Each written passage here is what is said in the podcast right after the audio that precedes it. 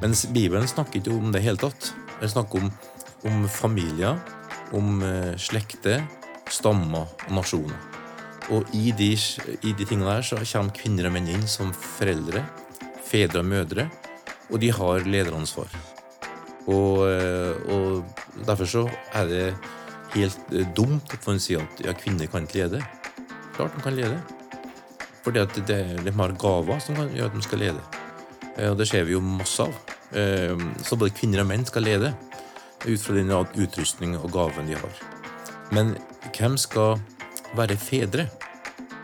Og hva som kjennetegner en far kontra alt annet lederskap? For det er en side av lederskap som har med farskap å gjøre. Mens masse lederskap har ingenting med det å gjøre. Og den sida av lederskap som har med farskap å gjøre, skal menn gjøre. For da gjenspeiler de Gud og representerer Gud, sier Bibelen.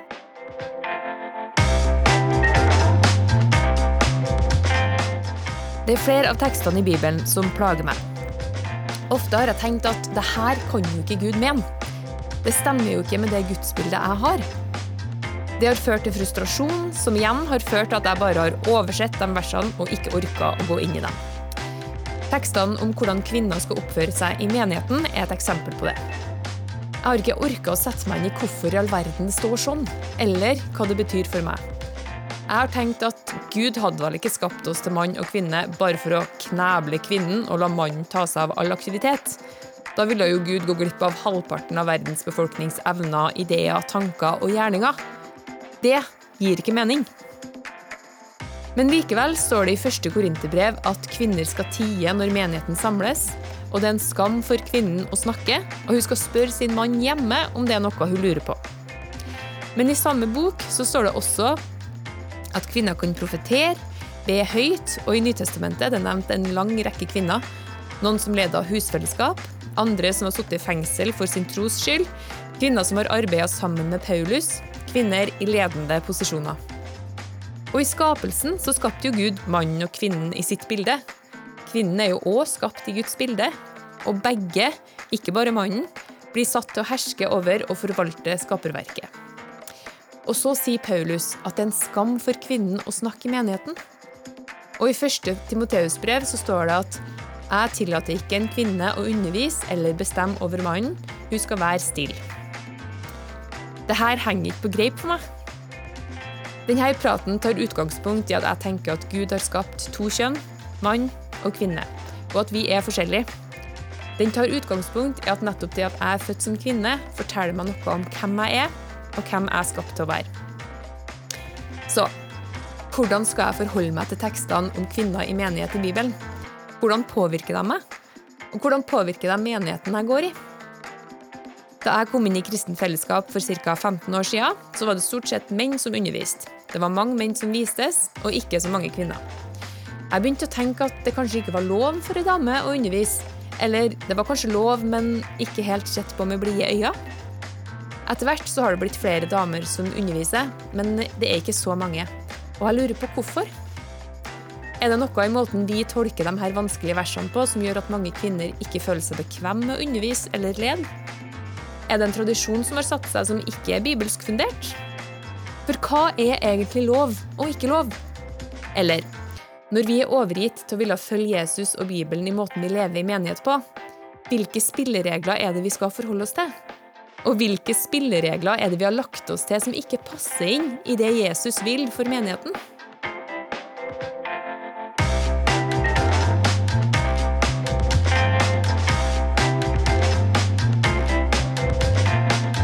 I denne episoden har jeg gleden av å prate med Terje Dale. Terje er leder for Kristent nettverk og helter her i Trondheim. Velkommen, Terje. Tusen takk. Trivelig å ha deg her. Du har jo vært med i Sendepodden flere ganger før, og mange kjenner deg, men kan du si litt om hvem du er likevel? Ja, jeg er nettopp blitt 62 år, faktisk. Jeg er gift med Lise. Pappa til tre voksne barn og bestefar til sju. Så jeg er midt i denne velsigna perioden med barnebarn og fortsatt god helse og ser lyst på livet. Det høres veldig bra ut. Eh, og nå skal vi jo ta en kjempeartig og seriøs og litt sånn vanskelig prat. Så vi er litt sånn Artig kan jo være diskutert, men seriøst er det sikkert og Ja, vi skal, få interessant. det er til å, ja, vi skal få det til å høres artig ut, i hvert fall. Um, jeg snakker litt i introen om hvordan jeg opplevde å bli med i kristent fellesskap for snart eh, 15 år siden. Det begynner å bli veldig lenge. Og um, Da var det flest menn som underviste, og menn som generelt vistes, og som var ledere i menigheten. Og etter hvert så har det blitt flere kvinner som underviser, og som vises. Men det er ikke veldig mange.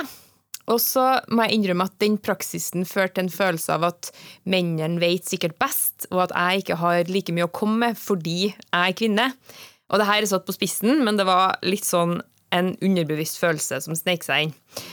Um, og kanskje er en del av grunnen til den følelsen at jeg aldri har tatt tak i versene i Bibelen om kvinner i menighet sjøl. Jeg har bare antatt at Paulus ikke kan mene det han sier sånn helt ordrett, eller at det er et eller annet i konteksten som gjør at versene må forstås på en annen måte enn kun bokstavelig.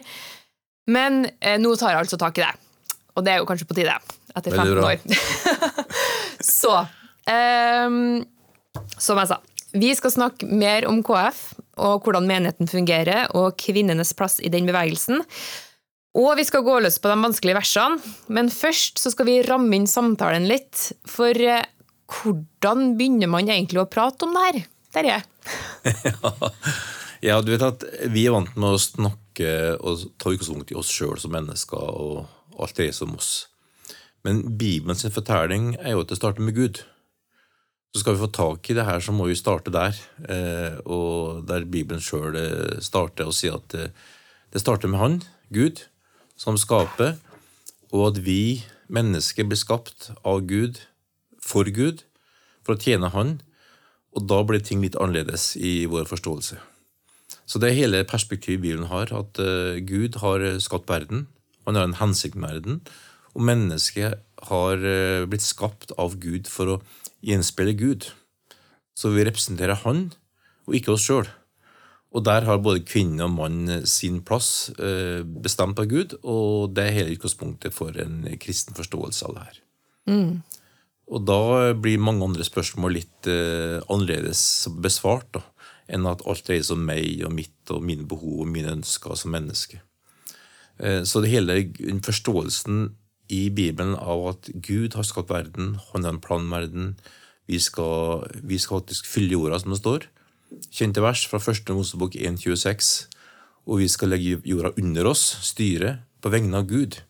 Ikke for egen, vår egen egoisme og vår egen plan, men for at Gud har en plan. Det gjør at vi kan tenke på det her på en annen måte. Og så kom jo syndefallet inn, som vi vet. og Det ble ødelagt av vold, makt, eh, egoisme og alt det vonde som synden representerer. Men Guds plan om at verden faktisk tilhører Han, og at Han ønsker at verden skal gjenspeile Hans godhet, Hans rettferdighet, Hans liv, den gjelder fortsatt. Og det er det som eh, vi da finner i Jesus når han kom. Han sa 'Her er jeg, jeg er Gud'. Se på, se på meg, eh, jeg viser hvem Gud er. Hans måte å behandle kvinner på, barn på, fattige på, spedalske på, utslåtte på, maktfolk på. Altså, Han viser hvem Gud egentlig er. Og det skulle gi oss stor frimodighet, nettopp fordi at eh, vi tror på den lange fortellinga som Bibelen representerer der. Og i den sammenhengen kommer også kvinner og menn inn. Mm. Og da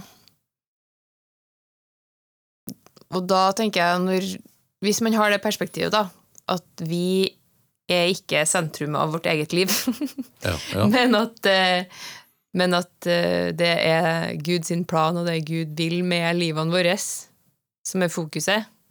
ja, det er ganske radikalt da, Ja, det å komme dit og si faktisk at eh, jeg er ikke her for å realisere meg sjøl. Jeg er ikke her for at jeg har noe spesielt jeg ønsker, men du bare møter Gud, og han blir så stor.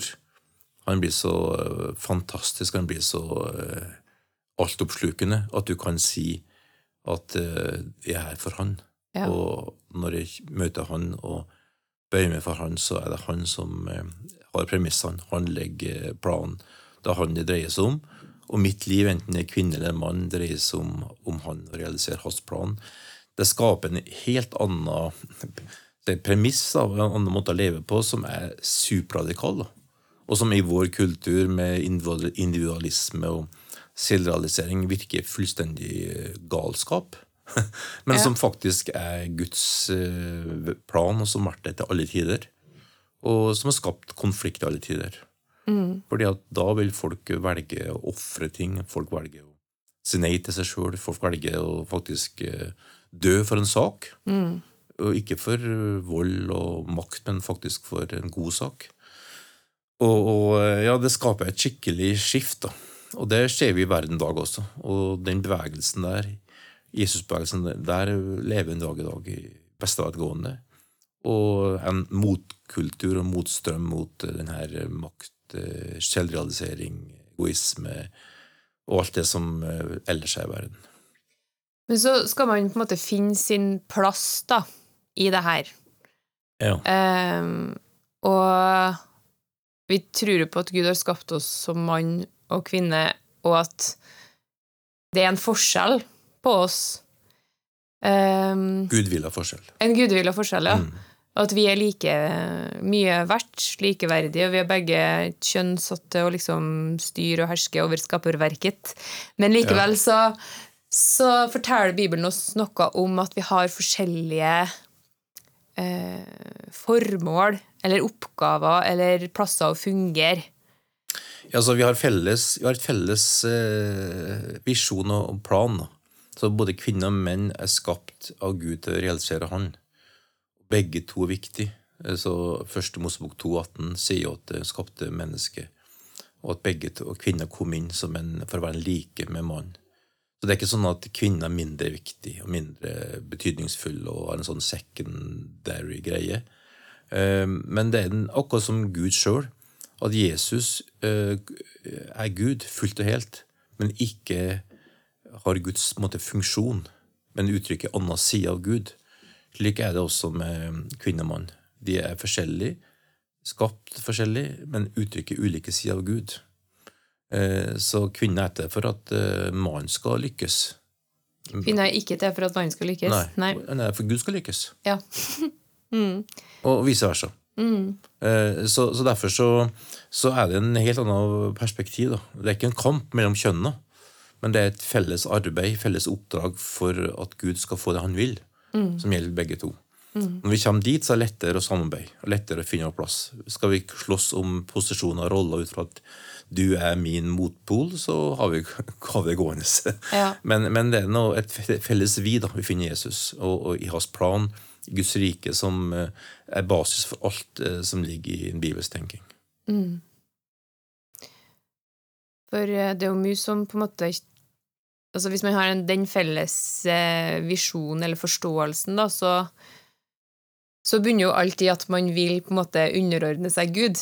Ja, ikke sant? Og da eh, Da er det det som blir viktigst, ikke rettighetskampen, på en måte. Ja, og det må både kvinner og menn gjøre. Ikke Ja. Så menn kan bruke Bibelens første undervisning om kvinner som en, et påskudd for sin egen realisering. Nei. Som historien har vist altfor ofte.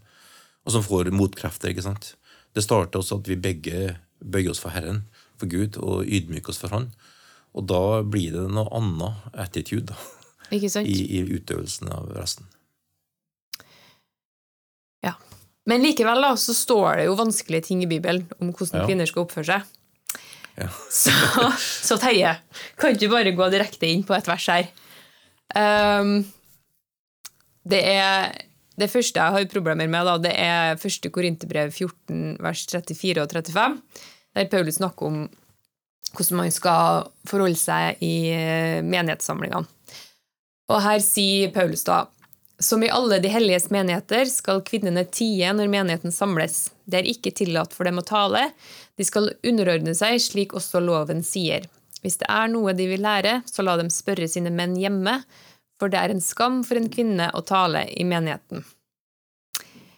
Og hvis vi bare leser det her, og ikke settes inn i konteksten eller hva resten av Bibelen sier om kvinner, så ser jo det her veldig mørkt ut. Eh, Så hvordan skal vi forstå de her versene her, Terje? Ja, det viktigste det er å skjønne noen prinsipielle ting rundt bibeltolking. Ja. Det ene er jo å se at uh, Bibelen er helhet.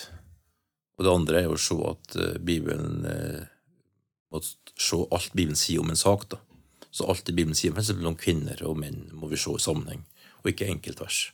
Og så må man se konteksten, og så må man se inn i kulturen osv. Men det enkleste svaret på spørsmålet her er jo at, her er snakk om eh, menighetene sammen, og så er det profetiske ord som kommer, og de skal, de skal eh, tolkes og anvendes. Eh, for det er et profetisk ord at Gud taler til folk, og det, det, krever handling, det krever en respons. Og hvem skal bestemme eh, om det ordet her er fra Gud eller ikke? Skal alle si det? Alle mene om det? Slik at det blir kaos, og min mening er like som din mening? Eller er det slik at noen har et ansvar for å si det her ordet er fra Gud, dette her tar vi imot som menighet, og det angår oss alle? Hvem har retten til det? Og, og, da er det ikke opp til hver enkelt å lage sin egen tolking og alt i kaos. Nei, da, da, er det noen som har retten til det, sier Bibelen. Eh, og da kommer vi inn på det som har med farskap å gjøre. Som er en stor samtale rundt de tingene her. Eh, nettopp at, at Bibelen handler ikke om tiarki som vi har adoptert i, i vår kultur gjennom militærsystemet og gresk filosofi og hele Romerrikets eh, oppreisning og fall. Nemlig at, eh, at, hele Norge og hele vestverden er hierarkisk. Vil si roller som du kan gå inn i og gå ut av. Og du, blir, du får posisjoner ut fra visse kvalifikasjoner som ofte går på ytre ting og ikke på karakter.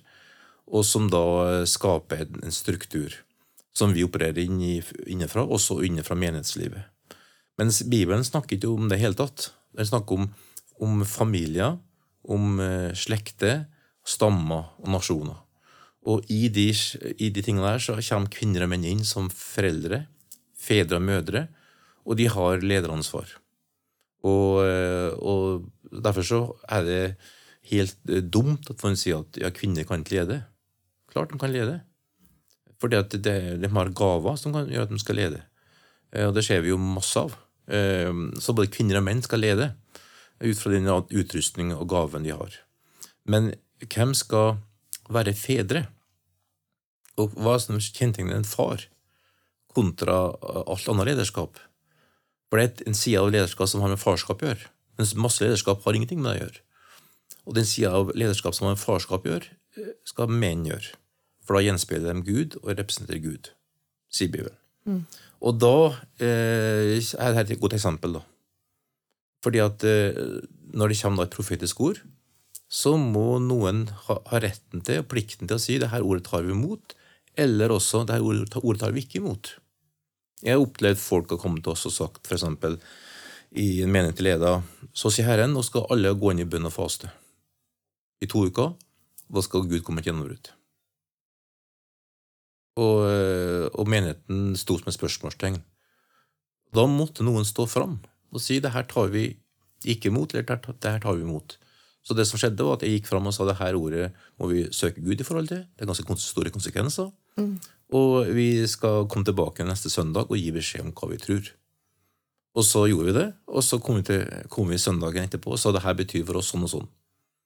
Og da, da har noen retten til å gjøre det, og plikten til å gjøre det, ikke minst. For ofte er det her vanskelige ting. Eh, der, der, eh, du må ta beslutninger som ikke er behagelige eller ikke er lett. Og, og det er sånn sammenheng da. Fedrene kommer på banen, og som Bibelen snakker om eh, farskap, og som er en del av måten ting blir styrt på. Du kan si at farskap og styreansvaret ligger til mannen som går på den sida av å av å ta beslutninger som får konsekvenser for andre, og som, ikke, og som ofte ikke er ubehagelig. Eller behagelig, for å si det sånn. Mm. Eh, mens lederskap er jo at du, du gjenkjenner en gaveutrustning hos noen som gjør at du følger vedkommende. Fri, vilje frivillig. Eh, fordi at du gjenkjenner her noen som går foran, noen som brøyter vei, noen som er motiverende, noen som jeg tror på. Det, det aller, aller meste lederskap i verden er sånn. Men eh, det at vi nå er i koronatid, f.eks., og myndighetene tar beslutninger som, eh, som, vi må følge, men som ikke er behagelig, det er jo det som er det type lederskapet som vi må snakke om som farskap. Da. Og som også trengs, men som ikke er det mest vanlige og mest, eh, best, oftest skjer rundt lederskap.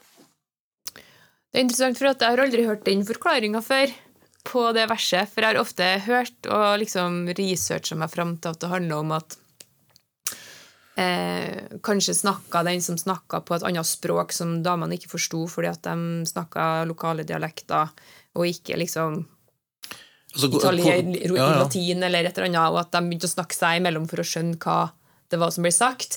Eller at Mm. menn og kvinner satt på forskjellige sider av rommet, og at eh, damene begynte å rope over til mennene sine. Hva var det det betydde? Jeg skjønner ikke det her.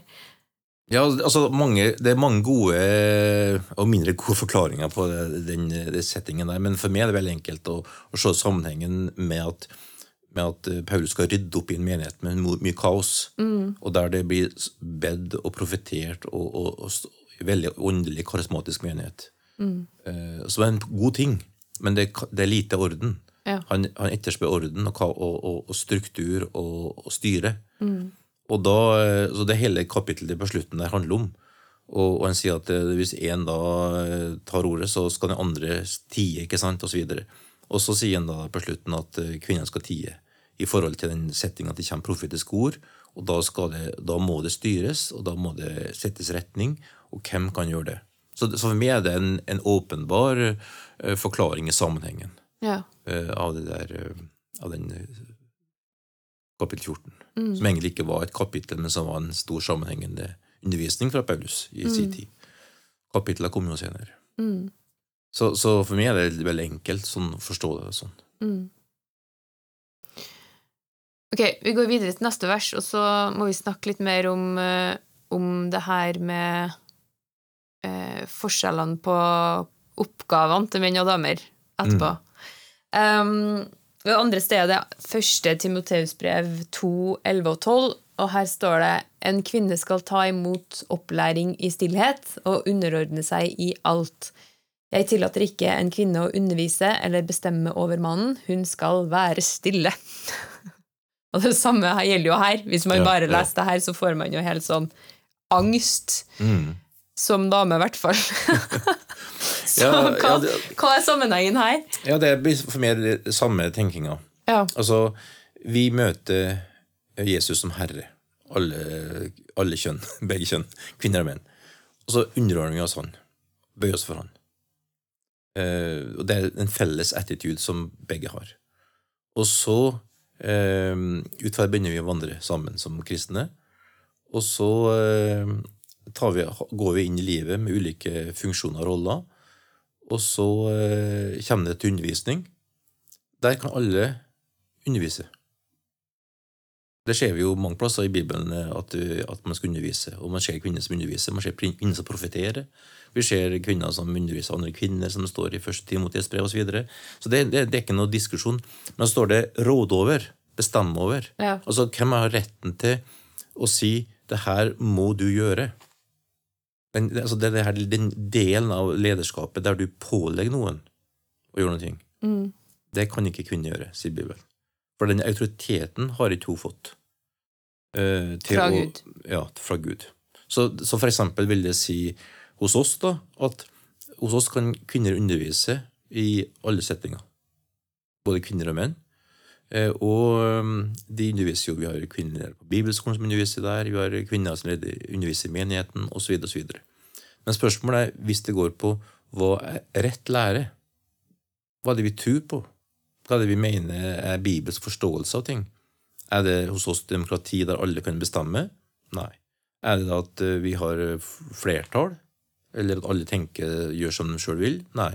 Hos oss er det sånn at det er noen som har den retten til å si det her tror vi på, det her tror vi ikke på.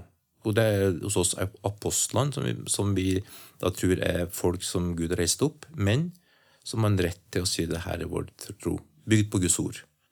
Altså, Bibelen er den eh, siste og viktigste og absolutte autoriteten, men å tolke da Bibelen inni der er hos oss da, de som har den retten. De mennene som, som er anerkjent hos oss til å si det her er Bibelens forståelse. Og det er jo mange spørsmål som dukker opp rundt de tingene her, som gjør at det, det ikke blir en, et, eh, en demokratisk eller en generalforsamling eller en sak, men det blir noe som noen har bedt til å bestemme, og som skaper enten fred, og noen vil ikke like det og underordne seg og si greit, vi er ikke enige, men vi følger det, og noen vil si takk for laget. Sånn er livet. Det må vi leve med. Mens eh, andre plasser er det andre måter å gjøre det på. Men sånn tror vi det er en bibelsk måte å gjøre det på. Så kvinner kan undervis- undervise oss, eh, og undervise alt det vi tror på. Men hun kan ikke si at nå går det ikke med en åpenbaring, som er en helt nytt her. Så vi skal f.eks. begynne nå med å feire, feire La oss si sabbat, da. På lørdag. Det er det eneste som er rett. Vi skal tilbake til kildene her. Så vil vi si nei. Sabbat er en, en forståelse som vi ikke har på en bestemt dag. Sabbat er en, en helt annen måte å forstå det på. En hvilelig gud.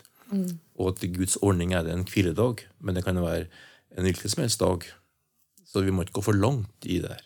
Så det tror vi ikke på, eksempel. Men her står det jo 'jeg tillater ikke en kvinne å undervise'. Ja, i sammenheng med rådet over mann. Eller bestemme over mannen. Ja, ja. Som, som, som gjør altså at undervise til instru, instruere, da. Ja, ok. Ja. Ja, for jeg har lest at den, det rådet over eh, i originalgresken, så er det et ganske sterkt ord. At Ja, det er litt sånn der ja. å herske over, herske over, typ. Så det vil si ta, ta seg en, en, en rolle som ikke hun har fått, Mm. i den måten hun underviser på. Og det er veldig det er jo de få gangene vi må liksom sette foten ned og si at det her tror vi ikke på, eksempel. Det her tror vi på og i veiledig i forhold til teologi og syn som vi kan være. La oss si typisk eh, ja, for oss, Vi tror på, på troende dåp, for eksempel. Og så kan det være spørsmål skal vi tillate begge dåpssyn hos våre medlemmer. Så vil vi si det, det, det her er saken for oss. Vi tror på troendes dåp. Eh, Du kan godt være med på alle møter, du kan delta på alt, men vi, vi tror ikke på mange typer dåp.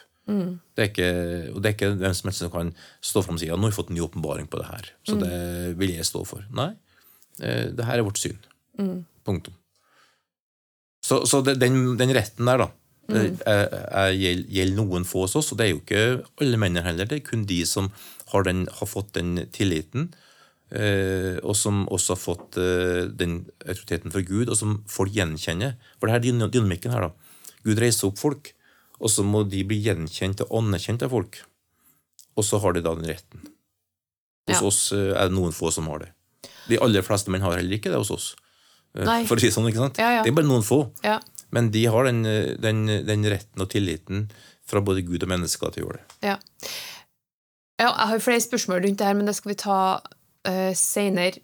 Det er liksom blant annet det er ikke litt sånn Det er jo mange damer som har veldig mange gode teologiske refleksjoner og tanker og eh, og sånne ting som, som, eh, går, som går man da spørsmål Går man da glipp av de refleksjonene inn i lærespørsmål fordi at det bare er menn som er apostler, f.eks.?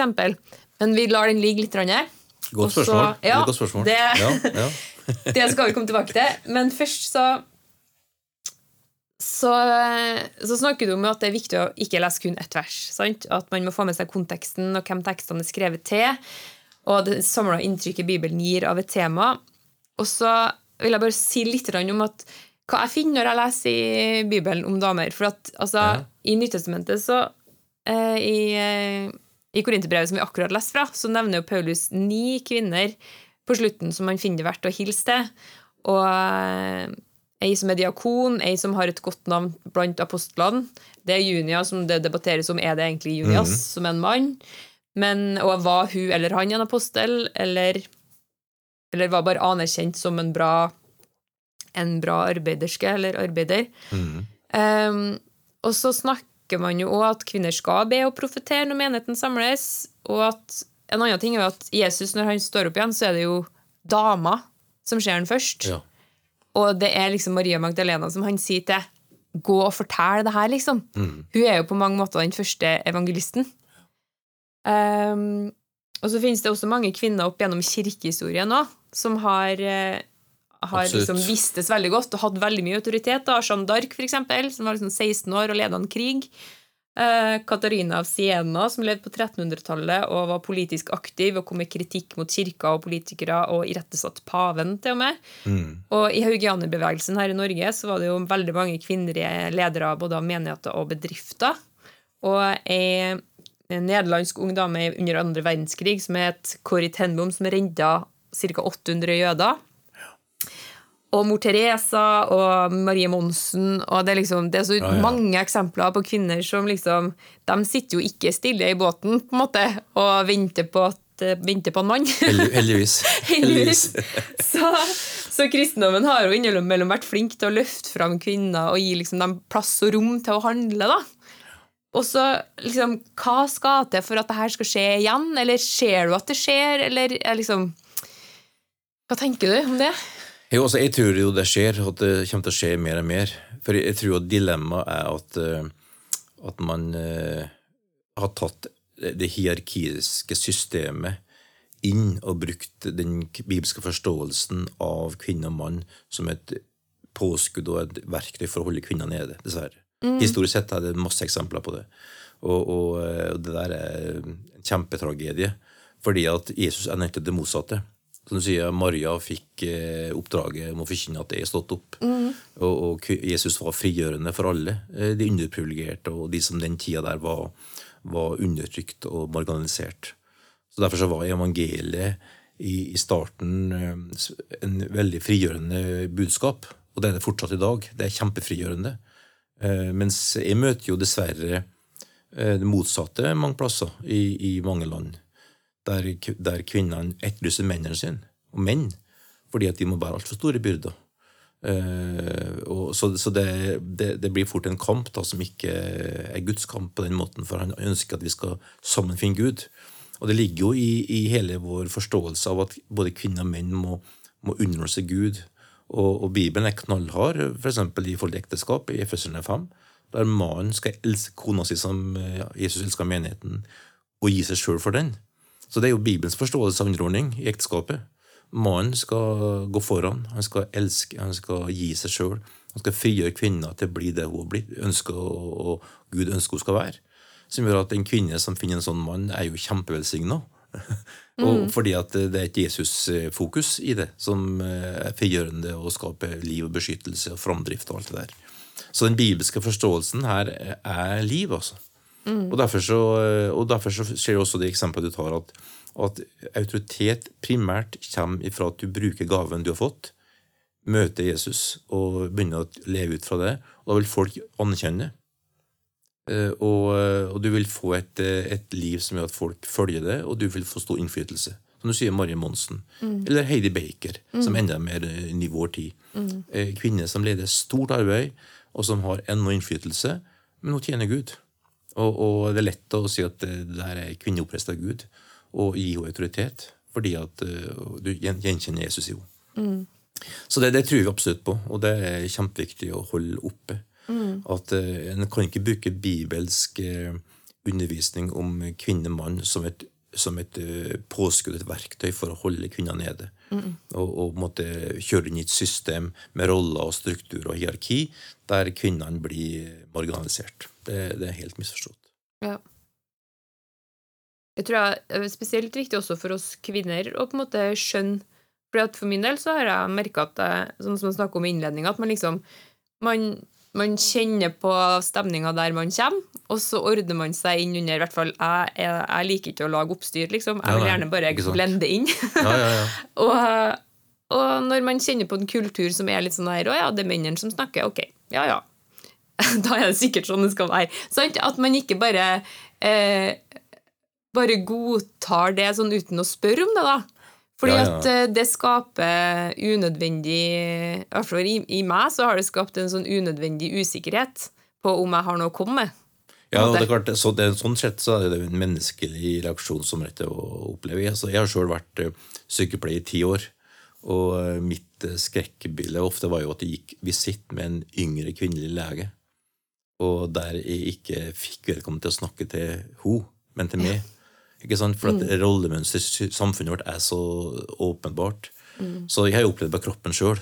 Å måtte være i et kvinneyrke og bli behandla som eh, noe en slags maskulin autoritet bare fordi at eh, du var mann, og der rollene og utdanning og kjønn ikke passa inn på et sånt eh, kulturelt bilde. Og, og det der er jo en reell ting som vi må jobbe bevisst i forhold til. altså. Absolutt. Eh, Vi skal bevege oss over på KF, da, og kvinnenes plass hos oss Ja. i vår bevegelse. Uh, og som vi snakket om i stad, så KF er kjent for at kun menn kan bli eldste, og så eh, tro på at mannen er kvinnens hode, og det skal vi gå litt dypere inn i hva det betyr, for det kan man jo få litt angst over å høre. Man bare hører det.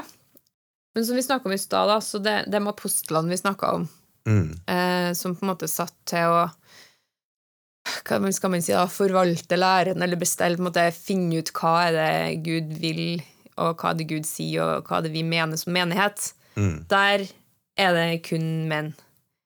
Og det, er det teologiske årsaker til det, eller er det andre årsaker til det? Altså, det er to ting ikke kvinnene kan gjøre hos oss ut ifra en teologisk forståelse. Det er å være eh, eldste i menigheten, og det å være apostler. Som går på, tilbake til med farskap. Og det er den delen av eh, lederskapet som far representerer, som da eh, er gudgitt. Gud er far. Han er mer enn det, men han er far. Eh, og det uttrykkes i Gud. Og så sier Bibelen at mannen man skal være far og representere han i de tinga der. Og, så, og da er det de to rollene som de representerer i menigheten, og som da kan kun beskres av menn. Og det går på de, de beslutningene som er bindende for alle rundt de viktige sakene som f.eks. Eh, hva er rett teologi, rett forståelse av Bibelen? Og så går det på eh, ofte moralske spørsmål. Vi, hvordan dømme inn i ting? Altså det å dømme, da, som er en del av det å, å lede, eh, og autoritet som hode, som fedre, er å dømme ting. For eksempel eh, Når skal vi gripe inn i forhold til en familie som tydelig er under press, eh, med en dårlig funksjonerende foreldre? Ofte fedre. Når skal vi ta kontakt med barnevernet? Når skal vi, når skal vi eh, gå til politianmeldelse, for eksempel? Sånne saker som er vanskelige, som vi må dømme inn i, og ta beslutninger som du vet her får konsekvenser.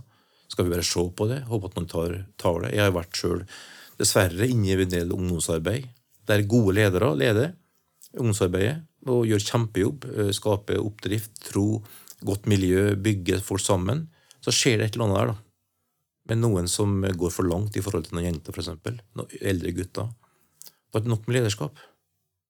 Da må noen ha farskap til å si her må vi gjøre noe. Må, vi må kanskje stenge ute en to-tre 19-åringer fra et miljø og, og begrunne det med å si det her er overtramp, f.eks. Eller det kan enda verre ting. Rene overgrep som skjer.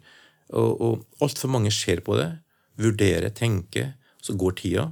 Men en far har en plikt og, en, og, en, og, si, et, et fordømt ansvar. I ikke, være, ikke være, ha mening om det, ikke bare se på det, håpe at det går over, men si her må det gripes inn. Det er den sida av farskapet som representeres av eldste og, og apostlene i vårt arbeid, og som er undervurdert eh, eller underkommunisert da, i den sida av lederskapet. Fordi at eh, det der vernet forsvinner, det der, det der eh, ulvene får komme til altfor ofte fordi at fedrene ikke er på plass, tror jeg. Og som jeg ser altfor mye av i mange sammenhenger. Eh, Og det er det ubehagelige, det, det er her tingene som vi, ingen av oss liker, men som bare vi må gjøre noe med. Av hensyn til de svake, så oftest de svake, og de som ikke har noen som taler sin, sin sak. Det skjer overalt. Men litt tilbake til det spørsmålet jeg hadde i stad. fordi Når du sier at eh, de som er satt til det her, har ansvar, de mennene har ansvar for å ta avgjørelser som gjelder alle, burde ikke da på en måte også kvinnene vært med inn i de diskusjonene i forhold til det som jeg sa i stad, med lære, da, at det er mange kvinner som har veldig gode teologiske refleksjoner og innsikt i Bibelen og Guds Jo, jo, ord. absolutt. Og, og også når det kommer til liksom å styre og ta beslutninger, så er man jo Altså, det å ha en kvinne inn i diskusjonen, det bringer jo noe annet Mm, til bordet. helt klart. Så hvordan Hva tenker du rundt det, og hva er praksisen i forhold til det? Altså, eh, vi, vi tror jo at eh, vi må ha et bredt nok lederforum eh, overalt som gjør at alle sider av en sak blir belyst. Og da er både alder og uh, ulike kjønn viktige sider av det. Uh, og det prøver vi jo fra, å tilstrebe. Uh, og slik at når vi tar en beslutning, så er det ingen sider som ikke er belyst. Jeg bruker å si at Hvis vi tar en beslutning, og vi dukker opp ting etterpå som viser at her har ikke vurdert helheten, da har vi vært feil, eh, for få i det, i det forumet, eller folk som ikke har sagt alt, eller hva som helst, som er feil.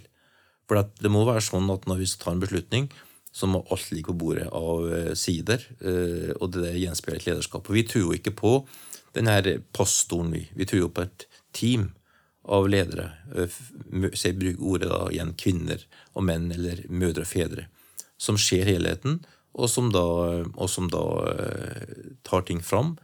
Eh, Det er akkurat som et ekteskap, ikke sant?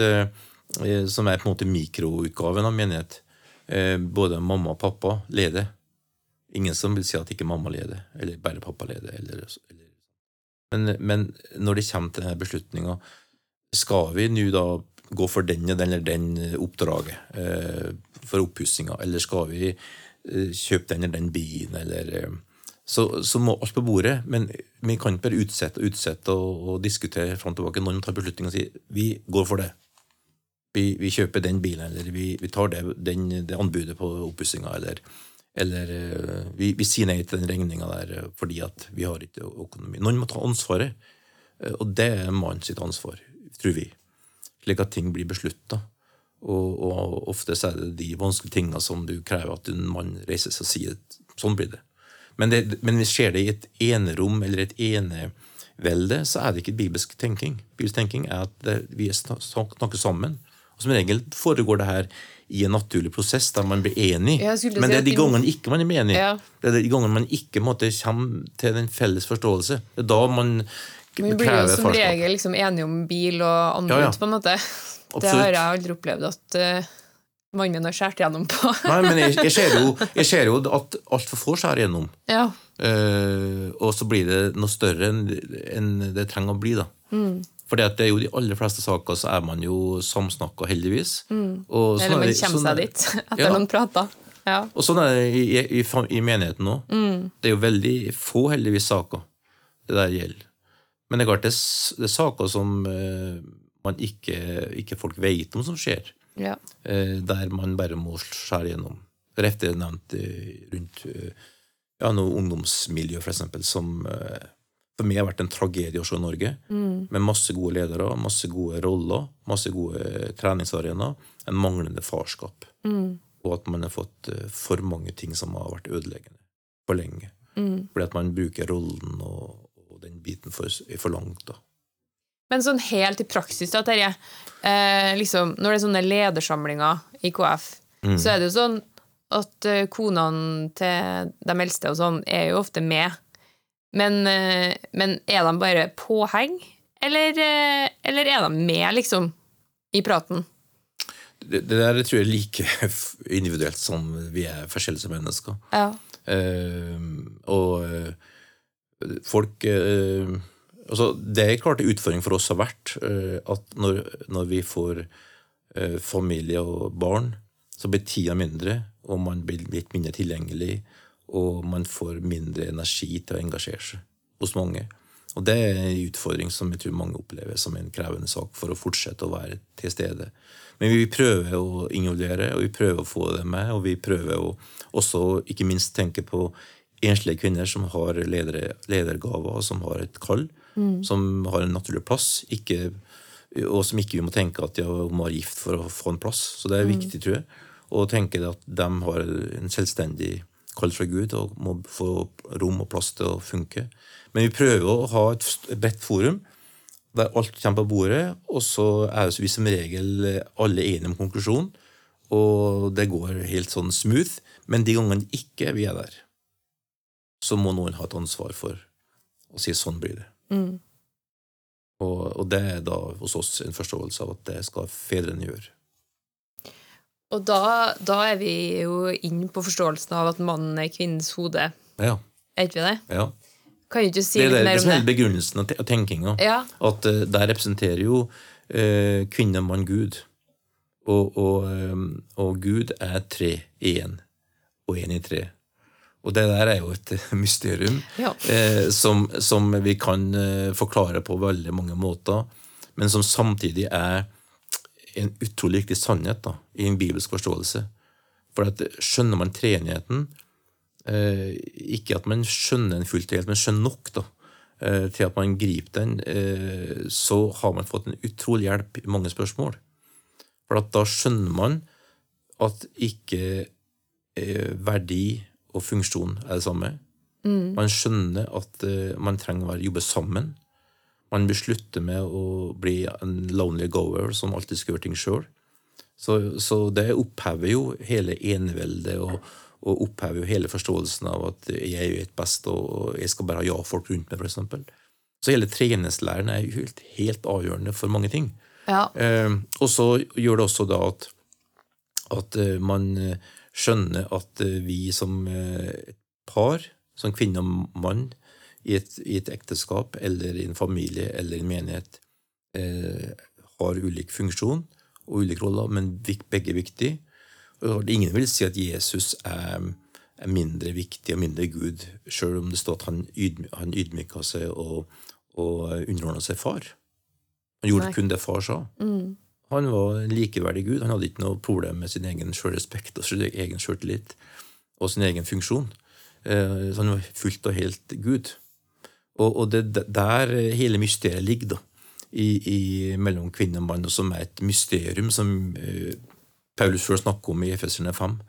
eh, Og som vi trenger å jobbe mye, mye, mye med, jeg tror jeg, for å skjønne at, at mannen er kvinnens hode, og, og mannens hode er Kristus. Og sammen skal de uttrykke Jesus på jord. Og der vil liv flyte, der vil det være mangfold, der vil det være bredde. Og ingen eh, er på undertrykkelsessida eller eh, holder folk nede eller begrenser, men er frigjørende.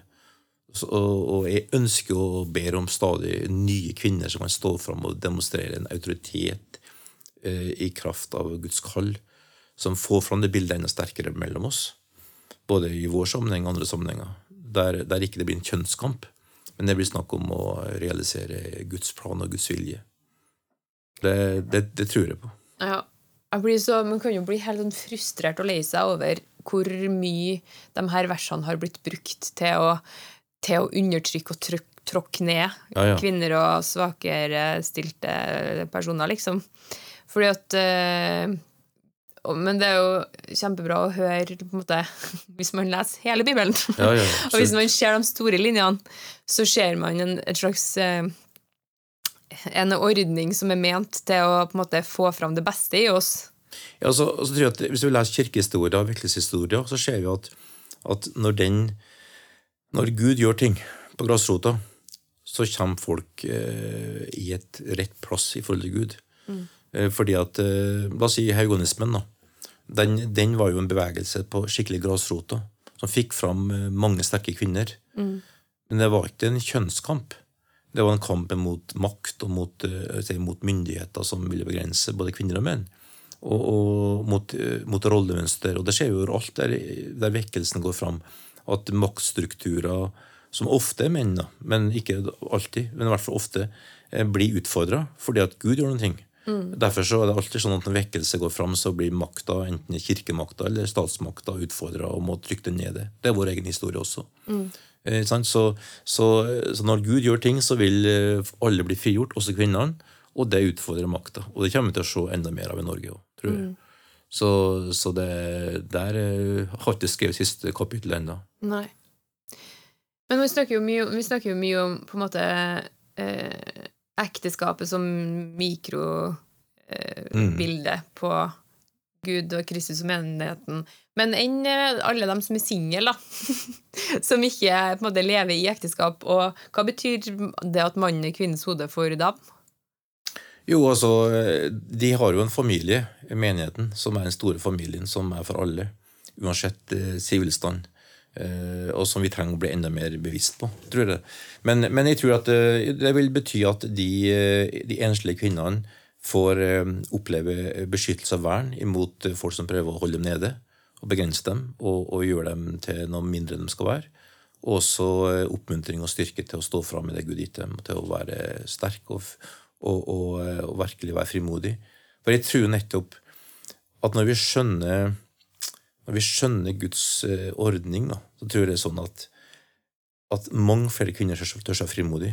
For de vet at hvis det skulle skjære seg nå, hvis det her jeg gjør nå ikke går bra, hvis det skjer en situasjon som jeg ikke klarer å håndtere, så er en mann klar, en far i huset, klar til å ta tak og, og ta ansvar og, og, rydde opp hvis et eller annet oppstår. Så jeg kan stå på med full frimodighet og gjøre mer enn jeg ellers ville gjort.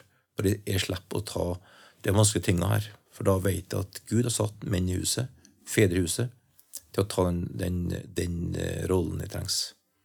Og eh, hvis noen har vært med meg på en tur ut i den tredje verden og møtt mange av de her heltene blant kvinnene som står fram, og se hvordan de bare er så happy Det kommer noen menn og tar tak når ting bare er vanskelig. Eh, så, så får det perspektivet enda mer. Det skal vi se mer av i Norge òg, tror jeg. altså. Mm. Fordi at den her følelsen av at du er aleine, du har rollen, du har ansvaret, og alt hviler på dine skuldre, er for mange for tung å bære. Den tror jeg faktisk er mange ganger større enn følelsen av å bli holdt nede for kvinnene. Men begge deler blir feil. Du skal ikke bli holdt nede, du skal ikke bli begrensa. Du skal heller ikke oppleve at du står alene en vonde dag fordi at ingen vil stå opp for det og ta tak når, den, når det er vanskelige ting oppstår. I ditt lederskap og i den rollen du Gud ditt deg å tjene i. I eh, researchen til denne episoden så har jeg snakka litt med flere kvinner da i KF, og og har fått gjengitt opplevelser som kvinner har hatt i menigheten. Blant annet at man har fått kommentarer på at man, man bør underordne seg hvis man har stått fram og hatt undervisning, f.eks. Mm. Eller at du kan ikke lede husfellesskap fordi du er dame. Mm. og det er jo liksom det motsatte av det du sier nå, da. Mm. Fordi i en perfekt verden så burde man heller blitt på en måte heia fram og bygd opp som dame og som mann, men nå snakker vi om dame akkurat nå, da.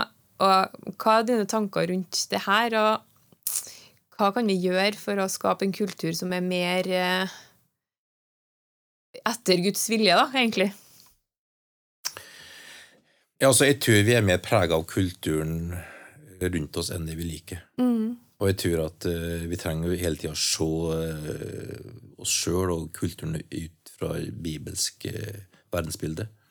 Og da er det ingen tvil om at en mann som blir trua av sterke kvinner, kan bruke bibelvers og bruke ting som rettferdiggjør det på en feil måte. Mm. Og kvinner kan bruke også kulturen og, og, og, være opprørsk på feil måte. Og begge deler er opprør mm. i forhold til Guds ordning. Så, så, jeg tror vi trenger bare å, å være, være enda mer tydelige på store bildet, store fortellinger fra Gud om hans plan og vilje, og, og, og, som igjen går på at både kvinner og menn må, må bøye seg for Gud og, og alltid ha åpen hånd. Jesus fikk autoritet gjennom at han eh, tjente og elska og døde på korset. Derfor, sier Filipperne 2, har Gud reist den opp, satt en navn over alle navn. Hvert kne skal bøye seg, og hver tunge skal bekjenne Jesus er Herre. Og det er, den, det er den måten du får eh, lederskap og autoritet på. Det er at du tjener og bøyer det og går foran. Ikke i ord, men i gjerning, først og fremst. Og så får du, får du, får du ansvar og lederskap, og Gud bruker det i alt han vil. Og, og, vi trenger bare å heie det fram på alle plan. Og, eh, og, det er ingen tvil om at uh, historisk sett så har det vært uh, mannssjåvinisme i, våre kulturer, tror jeg. Og, og misforstått forståelse av Guds ordning. Og brukes på en feil måte, og det må vi ta oppgjør med. og vice versa. Så, så, så, det bibelske bildet er noe mye bedre. Altså når jeg ser når jeg ser og drømmer og ber til Gud, Eh, og ser den menigheten Gud vil ha, så skjer det alle generasjoner, alle typer folk og etnisitet. Det mangfoldige bildet som tjener Gud og hverandre sammen, og, og der kvinner og menn leder ut fra kald utrustning i stor frihet. Så er det noen få tilfeller der du trenger fedre som står fram og tar tak. Og oftest er det de situasjonene der alle rømmer huset og ingen vil ta tak, og, og, og kaos og anarki gjelder, da trengs det fedre som er trygge og sterke, og som kjenner Gud, og som står fram og tar den beslutninga som må tas for å få fred i huset, retning på ting, og hindre at ulver kommer inn og ødelegger. Så det, det er jeg ber om og tror på. Og, vi har fortsatt en vei å gå, men veien er ikke å gå inn i den der maktkampen mellom kjønna. Det er å finne hverandre i Gud, og høre på hverandre, og lytte på hverandre, og finne Gud sammen, og så lede derfra. Men hvordan skal man sånn som dame, da, hvis jeg har leda en husgruppe, så har det kommet en, en, eh, en i husgruppa til meg og sagt du, Siri, jeg tror ikke det her er rett for deg. Du vet at det her burde Eivind gjort i stedet. Hva skal man si, liksom? Og så og liksom har jeg fått hørt at, eh, at, eh, folk har sagt at nå bør du underordne deg. Og det er sånn her, kan man kreve underordning? Nei. det, er noe man må, det, er sant, det er noe man må gjøre, Ja. og som alle gjør. Som ikke bare er snakk om for kvinner. Sant? Menn må underordne seg. ja. Punktum. Ja. så, så Nei, altså jeg, jeg tror jo først og fremst at man må kjenne Gud nok. Eh, for jeg tror jo at eh, alle trenger å, å kjenne Gud nok til å lede og, og, og fylle sitt, det kallet Gud gitt dem. Det gjelder både kvinner og menn.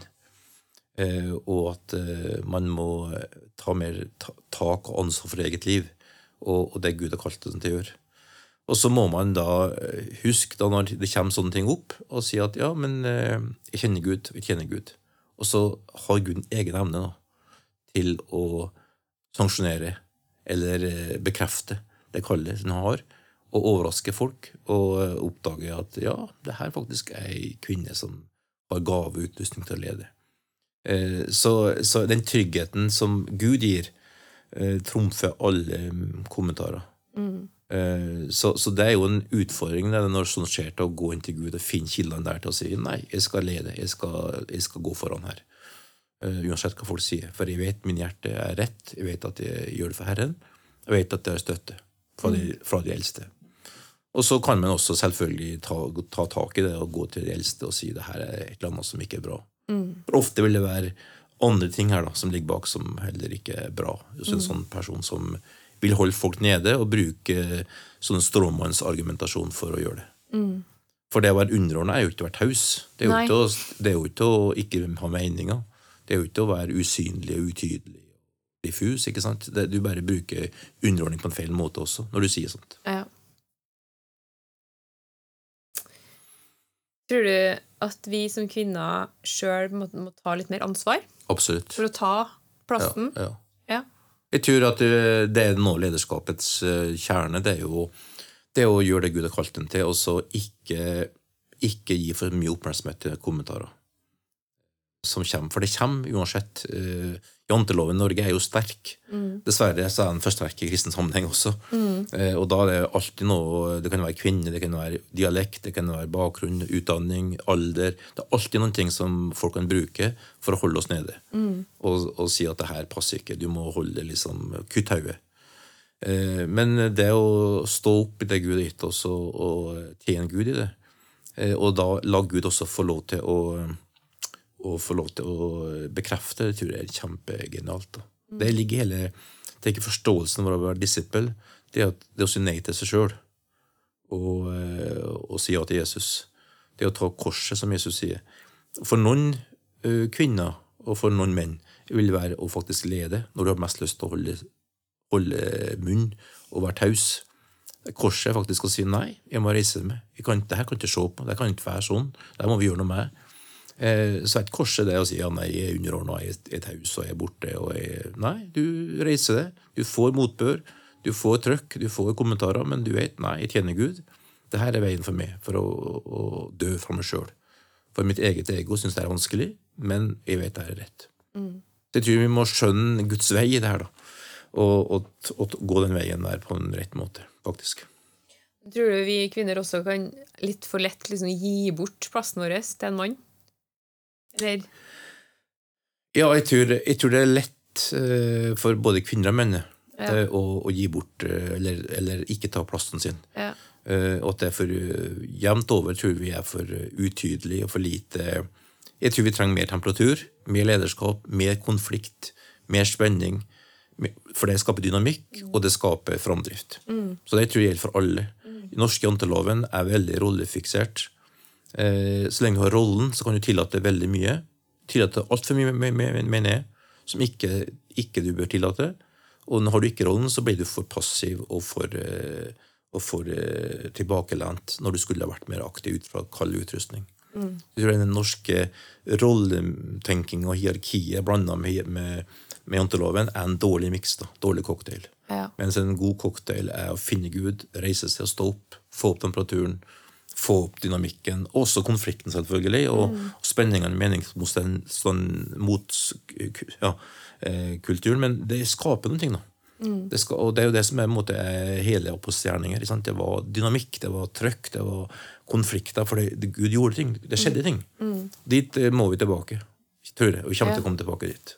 Det er bra du sier det, for for en sånn som meg, som bare vil ha god stemning hele tida, så er det veldig bra å høre. ja, ja, da, da. Fordi at eh, Det er jo noe med at man, man liksom man, at Jeg trenger i hvert fall å høre at man ønsker ulike meninger og eh, temperatur velkomment. For at jeg skal tørre å komme med mine tanker, så trenger jeg å høre det. Så det er veldig bra. Ja, jeg tror at det er et kjennetegn på en far da, er trygghet. Mm. Du er trygg nok på den Gud har kalt deg til å være, den rollen du har, så du tåler at folk mener, ulike meninger. Folk tåler at det er litt temperatur. Du har en grunnleggende kildegud. Du blir ikke backover, du blir ikke, du blir ikke satt ut av ting. Du står litt sånn støtt. Og da er det et miljø som skapes fort rundt sånne folk, som gjør at det her er temperatur, her er det plass til mange ting. Her kan du gjøre feil, mm. og det er helt ok, for det er det du lærer av. Det er ikke sånn ja, det må være rett og det må være riktig, og er det nok underordning og er det nok ditt og datt. Nei, nei, få fram livet. Få fram eh, dynamikken, og så lære underveis. Og så har Gud en grann til å få det på sin måte til slutt. Mm. Får du mange spørsmål eller tilbakemeldinger liksom fra, fra spesielt da yngre i KF om liksom måten vi gjør det på? Ja, altså Jeg underviser ofte om det her på bibelskolen vår, og da har jeg veldig god tid. da. Ofte har jeg faktisk oppimot to dager sammenhengende med samtaler og gruppearbeid, undervisning og gå gjennom bibeltekster. Og da får vi utrolig mye spennende fram, syns jeg. da. Mm. Der folk både ser et bibelsk bilde og kan se på egen praksis og egen eh, erfaring med friske øyne. Og da, eh, da, føler nok jeg at eh, hele sida av janteloven og at folk bruker vår teologi som litt unnskyldning, også kommer opp. Så får vi også opp eksempler på ting som ikke er bra. Det er og kultur som ikke er bibelsk, og som vi trenger å se på. Så, så vi er underveis. Ja. Og, men jeg tror Gud skal hjelpe oss til å finne en vei der som skaper den, det bredden og det livet som gjør at folk gjenkjenner ting. Ja, hvordan, altså, hvordan kan vi jobbe mot å få den kulturen vi ønsker oss, liksom? ja. Altså, jeg tror, jeg tror grunnleggende er et så sterkt møte med Jesus at andre stemmer blir litt svakere. Andre meninger blir litt svakere. Andre, min egen kultur, min egen uh, ting blir svakere. Det er, og det er også min egen historie. Det er at uh, det møtet med Jesus eh, blir så sterkt at du begynner å tjene han, og ikke rollen og menneskene og forventningene og all verdens rundt. Og eh, da vil det bli litt mer eh, greie, men det blir også mye mer liv og oppdrift. Og det er jo der vi må være, enten vi er kvinne eller mann. Altså. Og så tenker jeg det er utrolig viktig å ta ansvar for det sjøl, da. Altså, har, altså, ser du for deg om noen år at liksom det er kvinnelige Flere kvinnelige på Lys og Salt, eksempel, som står og preiker på kveldene der. Er det liksom Er det lov? ja, ja, ja, ja, absolutt. Ja. Og eh, vi har jo eh, faktisk prøvd uten at vi har lyktes også. Ja. For det er litt sånn høy terskel med såpass mange folk i salen og ja, store forventninger. Men ja, absolutt. altså, Jeg tror eh, vi må anerkjenne det Gud gjør. Mm. Og, vi må, eh, og jeg tror Gud kommer til å reise opp et større mangfold av alder og flere kvinner og alt. Absolutt. Mm. Og folk vil ta imot dem òg. Ja. For jeg tror at det er dilemma hvis vi gjør ting som ikke det er tid for, ut fra at folk ikke er der sjøl, så vil det bli bare sånn politisk korrekthet som ikke folk tenker det her var, det funka ikke. Da vil vi mat og næring til feil folk. Ja. Fordi at Vi skal ikke eh, ha kvinner fram fordi at eh, det er kvinner, men fordi at de har et budskap fra Gud som vi trenger å høre på. Uansett eh, alder og kjønn. Og da må vi bare heie kvinner fram. Sterke Gud. Bruk det Gud gitt det, og så vil vi anerkjenne det og gi det plass. Og det blir vårt ansvar. Og der, der må vi være våken. Absolutt. Og ikke bli, være, være fiendtlige eller ha noe fordom i vårt eget liv. Og leve tett nok på hverandre, slik at jeg blir konfrontert da, med mine fordommer mot uh, Oslo-folk eller uh, sterke kvinner eller uh, hva som helst skulle være. Ja. Fordi at jeg er en trønder og er 60. Det, de, de tingene må vi være våken for og ydmyk for. Nei, men bra, Terje. Nå tror jeg vi må avslutte, men det her har vært en veldig interessant prat. Og jeg tror det er så bra at vi bare sånn snakker høyt om det her. Og sier liksom For jeg merker bare med jobbinga med denne podkasten at jeg liksom inni meg snakker om holdninger inni oss sjøl. Jeg har blitt mer frimodig inni meg sjøl fordi jeg har skjønt liksom at jeg har noe å komme med. Også på det her teologiske og, og at den eh, intellektuelle sida Jeg er jo skuespiller og litt sånn fysisk artig innimellom, men at jeg også har Ja, ja, noe oppi hodet, da. og det er jo kjempebra. Og det håper jeg at uh, den podkasten her kan hjelpe til flere. At man, at man dykker litt ned i ting, og det er supermange bra ressurser på nettet for å finne ut av ting. Bible Project, eksempel. Yes. Så bare eh, finn ut av ting, altså. Og snakk med folk, f.eks. Terje. Ja, vi trenger den samtalen eh, løpende. Fordi at eh, vi skal representere og gjenspeile og formidle Guds rike. Og ikke vestlig kultur, ikke mannssjåvinistisk kultur, ikke feministisk kultur. Vi skal formidle Guds rike. Og den samtalen og den bevisstheten der trenger vi bare å holde levende og være på hele veien. Og vi skal være i verden, ikke av verden. Og det er en, det er en kunst som vi bare finner i møten med Gud og hverandre i et fellesskap. Terje, tusen takk for at du var med i Sendepodden. Takk for at du hørte på Sendepodden. Mer spennende stoff finner du på sennep.net, og du kan også følge oss på Facebook og Instagram. Sendepodden finnes i den podkastappen du bruker, og hør gjerne også på våre to andre podkaster, Alvorspraten og Bibelkvarteret. Sendepodden alt annet enn overfladisk.